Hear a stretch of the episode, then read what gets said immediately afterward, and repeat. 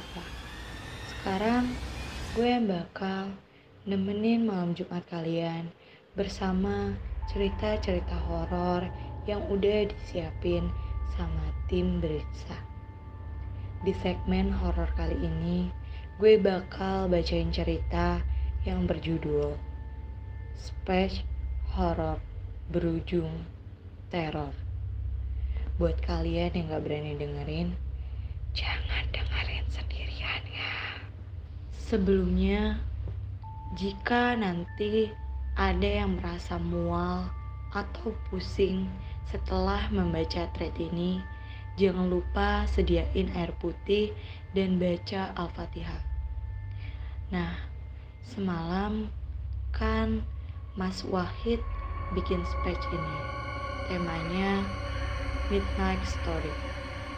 Awalnya hanya membahas sewaktu perjalanan pulang dari gala primer KKN di desa Penari kemari.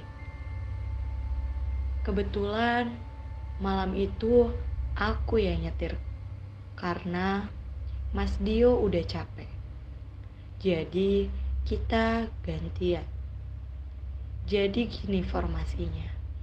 Set depan aku yang nyopir dan Wahid duduk di samping. Set tengah ada Mas Dio tidur dan Mas Amai sedang teleponan. Sedangkan Mas Restu di seat belakang udah tidur dari tadi. Masih aman nih, gak ada kejadian aneh. Nah, pas sampai di tol Brebes, kalau nggak salah, aku sama Mas Wahid sedang ngobrol tipis-tipis, biar gak sepi. Tiba-tiba, dari spion dalam kabin ada cahaya silau. Spontan dong, aku ngeliat spion. Oh, ada mobil mau nyalip. Batinku nih. Wush, bener kan? Ada mobil sedan warna merah nyalip kenceng banget. Iya percaya, mobilmu kenceng main larinya. Kata Wahid nih, sembari ngeliatin laju kendaraan. 140 lebih itu mas larinya. Aku menebak aja dan membenarkan kata si Wahid. Karena waktu itu kendaraan kita lagi melaju sekitar 120. Seingatku dan entah dari mana datangnya, tiba-tiba nih ada ibu-ibu lari dari tengah ke kiri untuk menepi. Lari loh itu, Mas. Kejadian itu aku dan Mas Wahid melihat sangat jelas banget. Aku perjelas lagi ya. Jadi aku dan Mas Wahid melihat sangat jelas banget ada ibu-ibu lari dari tengah ke kiri untuk menepi. Masa iya di jalan tol ada orang nyebrang, ibu-ibu lagi. Tahu sendiri kan, pembatas tol yang tengah itu tinggi juga. Spontan, uhuy. Gak gitu dong. Otomatis aku rem, tapi gak yang langsung cheat gitu. Ya, aku rem dan aku banting ke kiri sedikit untuk menghindar. Karena laju kendaraan masih di angka 100. Aku takut kalau banting setirnya kebangetan bisa luput. Karena di depan tuh ada kayak sebuah jembatan penyeberangan gitu. Laju kendaraan sudah pelan nih, di bawah 100. Gas juga nggak aku pijak, jalan aja gitu. Teman-teman di dalam mobil pun juga pada kaget karena mendengar suaraku dan Mas Wahid teriak heboh. Dan yang masih kepikiran sampai sekarang tuh ibu-ibu sekarang gimana kabarnya?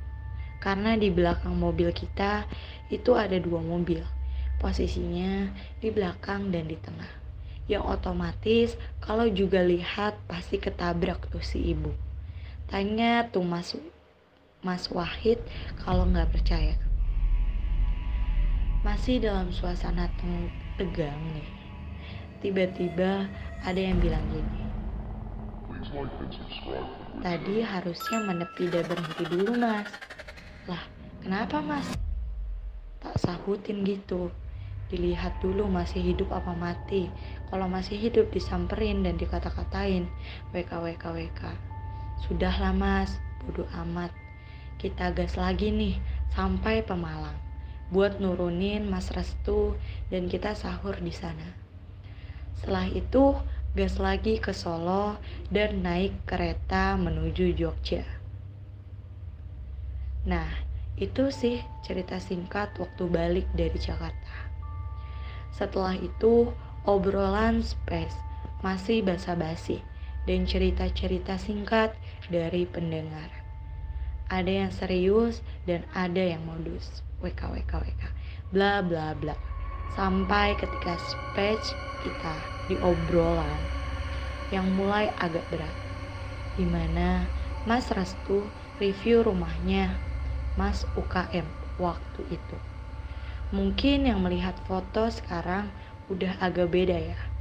Karena energinya udah beda, nggak kayak semalam. Yang awalnya bikin mual dan pusing sampai Mas Wahid aja ngerasa kayak dicekik lehernya.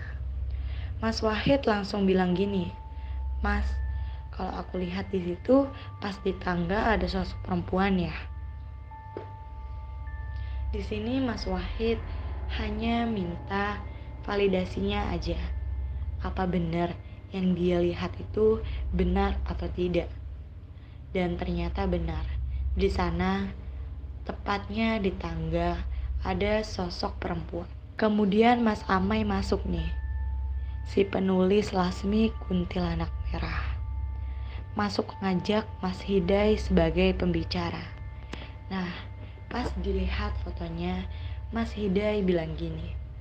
Wah, sepertinya energi negatifnya kuat juga ya, Mas. Itu yang di luar ada juga tuh yang lagi ngeliatin. Kuat juga kayaknya. Boleh nggak mas, kalau saya gambar itu sosoknya? Boleh dong, biar semua pendengar bisa lihat sosoknya seperti apa. Dan hasilnya juga gini, karena yang bisa ditangkap untuk digambar hanya sosok perempuan tua itu. Lumayan menguras energi, ya kan mas Hidayah? Hehe. Dari gambaran itu, Mas Hidayah menyimpulkan seperti ini. Sosok perempuan tua, mukanya rusak, rambutnya basah, tapi basahnya tuh kayak basah darah ya. Bikin mukanya jadi nggak terlalu jelas. Di sini Mas UKM juga membenarkan. Katanya sosok perempuan tua itu juga mempunyai sangkut pautnya dengan kisah kelam yang ada di belakang rumahnya korban dari bayi-bayi aborsi dan darahnya memang diminum oleh perempuan tua itu. Makanya muka dan rambutnya basah karena darah itu. Setelah itu ada sedikit gangguan nih di rumah Mas UKM. Ada energi masuk karena penggambaran sosok perempuan tadi. Sepertinya dia nggak terima dan akhirnya nyerang rumah Mas UKM sampai dapurnya diacak-acak. Ini penampakan dapurnya dan sosoknya di belakang pintu besi. Lihat nggak? Mulai agak kacau. Mas UKM izin keluar space untuk menetralisasi suasana di rumahnya. Di sini saya Wahid dan Mas Hidayah masih ngobrol di space Kemudian saya sampaikan pesan Mas UKM itu kepada Mas Hidayah. Akhirnya Mas Hidayah membantu Mas UKM buat memagiri rumahnya. Karena Mas Hidayah sudah menarik sosok hitam yang ada di luar rumah yang katanya paling gede energinya. Yang membuat para pasukannya gak terima karena bosnya diambil. Yang membuat para pasukannya masuk ke rumah, masuk UKM. WKWKWK. Seru dan tegang juga itu rasanya. Gak sampai di situ aja. Karena di rumah Mas Wahid juga kena gangguan nih Tiba-tiba mendengar suara benda jatuh. Brak. Mas, ini kok bisa ya jatuh sendiri? Kata si Wahid. Wah, ternyata usilnya sampai situ juga ya mas. Sahut mas Hidayah. Tenang mas, dia nggak bisa seenaknya kok. Cuma sebatas itu aja. Karena yang ada di rumah Mas Wahid juga membantu. Sambung Mas Hidayah akhirnya dinetralin juga sama Mas Hidayah. Gak kerasa space sampai jam 2.30 dini hari. Kita tutup dan lanjut sahur di rumah masing-masing. Saya VC Mas UKM. Dari raut mukanya kelihatan banget kalau lelah. Lelahnya bukan karena kehabisan tenaga, tapi karena buru-buru sahur. WKWK. Sialan. Katanya tadi pas proses pengusiran dia juga minta bantuan ke leluhurnya. Paling itu aja cerita special tadi malam. Sampai terornya tuh bikin lagi. WKWKWK. Kalau kalian mau lihat gambar yang dikirim sama UKM, kalian mampir aja ya ke Twitter @kalong. Di situ kalian bisa lihat gambar rumah dan dapur yang berantakan. Oke, segitu aja cerita yang gue bacain. Nanti kita lanjut lagi. Jangan lupa buat dengerin Drinsa terus ya. Kalau kalian ada cerita horor, romance, atau random lainnya, kalian bisa DM di Instagram kita at osis smk bw2 sampai bertemu di segmen horor selanjutnya see you